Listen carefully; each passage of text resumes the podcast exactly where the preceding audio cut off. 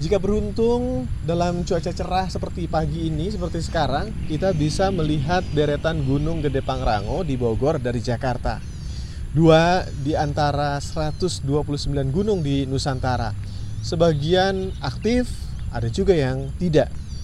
Jutaan orang hidup berdampingan di gunung-gunung ini mempertaruhkan nasib mereka menghadapi risiko letusan gunung berapi. Jadi gunung api meletus ini karena sebenarnya adalah suatu proses mencari kesetimbangan alam dari tubuh magma yang ada di bawah gunung api. Lantas, apakah letusan ini bisa diprediksi? Bagaimana sains bisa membantunya? Anda sedang mendengarkan Sains Sekitar Kita. Sains Sekitar Kita. Produksi KBR dan The Conversation Indonesia.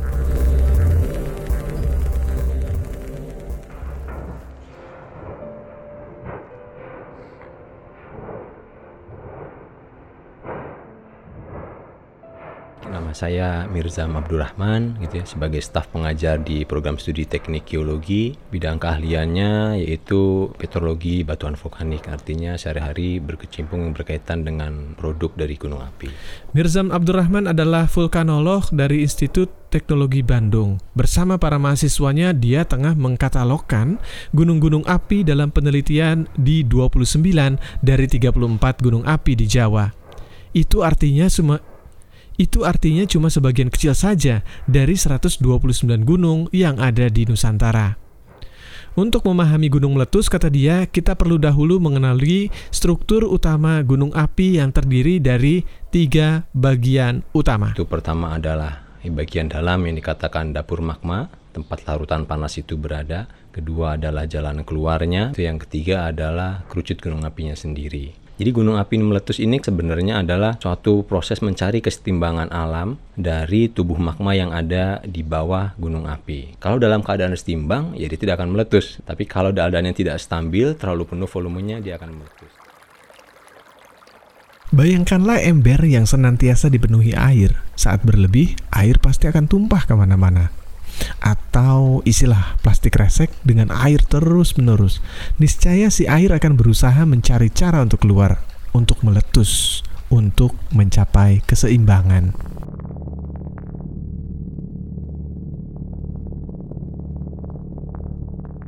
Sekarang mari kita ke bagian dalam. Tiap gunung api punya gelembung tempat magma diproduksi. Kita sebut saja gelembung ini sebagai dapur magma. Tapi ini bukan satu-satunya tempat di mana magma diproduksi. Jauh di bawahnya, magma lain juga dihasilkan dan menerobos masuk ke dalam dapur magma tadi. Jadi kalau dapur magma yang sebelumnya itu volumenya sudah ada 5 liter, kemudian dari bawah kita masukkan lagi, maka kelebihan itu harus dikeluarkan di atas. Mekanisme yang begini itu sifatnya periodik. Itu bisa kita prediksi. Jadi tanpa sebab pun, maka gunung api biasanya punya keteraturan meletusnya. Ada yang 10 tahun sekali, 20, ini berkaitan dengan siklus ini. Sekarang kita ke gelembung tadi, dapur magma. Apa yang terjadi di sana? Seiring berjalannya waktu, larutan yang panas tadi yang dikatakan magma dia mulai membeku. Pada waktu dia membeku terbentuk kristal, kristal yang berat kemudian mengendap, yang ringan itu naik ke atas. Nah, ketika tudung di atasnya tidak mampu menahan tekanan karena yang ringan lagi, maka erupsi terjadi. Yang begini sifatnya periodik, itu masih bisa kita prediksi. Dengan mengetahui interval letusan, para ilmuwan dapat menggambarkan pola letusan dan memprediksi kekuatan letusan. Sebagai catatan, saya bekerja di Papandayan, letusannya sekitar sekitar 20 tahun sekali. Berapa intervalnya dari gunung api Cermai yang saya lihat sekitar tiga tahun siklus pendeknya, siklus panjangnya 200 tahun.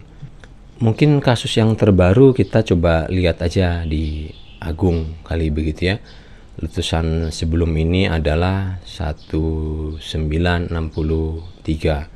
ya. Letusan sebelum 1963 adalah 1843 itu sekitar 120 tahun yang lalu.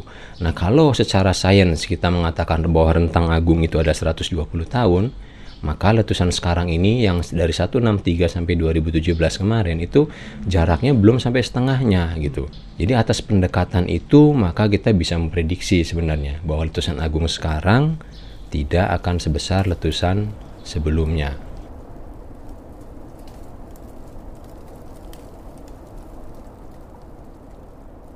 Pada suatu Sabtu di bulan September 2014, Gunung Ontake di Jepang sedang ramai-ramainya dipenuhi para pendaki termasuk anak-anak. Suasananya indah, cerah, apalagi saat musim gugur. Ada sekitar 160-an orang yang tengah mendaki saat itu. Tapi tiba-tiba gunung meletus tanpa tanda-tanda dan isyarat tanpa peringatan apa pun. 36 orang tewas dalam peristiwa tersebut. Ada juga proses di dalam dapur magma yang tidak bisa kita prediksi. Contohnya, pada waktu dapur magma itu ada, tiba-tiba dinding dari penahannya roboh masuk ke dalam dapur magma tersebut sehingga volumenya berubah secara signifikan. Jadi kalau kita bayangkan kita punya ember yang diisi penuh oleh air, tiba-tiba kita masukin batu bata satu. Kelebihannya harus ke atas. Yang begini tidak bisa diprediksi. Ini banyak kasus nih. Jadi beberapa letusan misalkan di Ontake Jepang itu adalah salah satu yang tidak kita diprediksi secara saintifik. Faktor ya. terakhir yang menyebabkan letusan adalah hilangnya tudung atau beban di kerucut gunung. Ini bisa disumbang banyak hal. Bisa karena gempa, bisa juga karena air hujan masuk dan bersenyawa dengan magma panas yang bikin batuan di puncak melemah. Bisa juga karena badai yang menyapu tekanan di puncak gunung seperti yang terjadi di Gunung Pinatubo di Filipina. Bisa juga karena es yang mencair. Melelehnya es mungkin bukan ancaman pada gunung-gunung di Nusantara.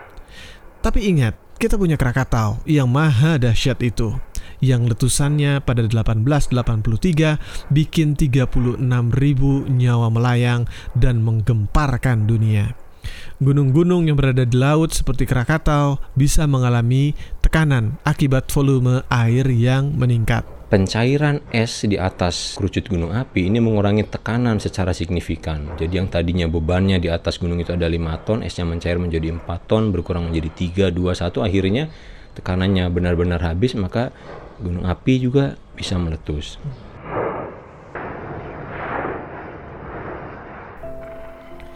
Letusan gunung adalah cara ibu bumi mencapai keseimbangan, dan keseimbangan itulah yang membantu bumi untuk utuh dan lestari.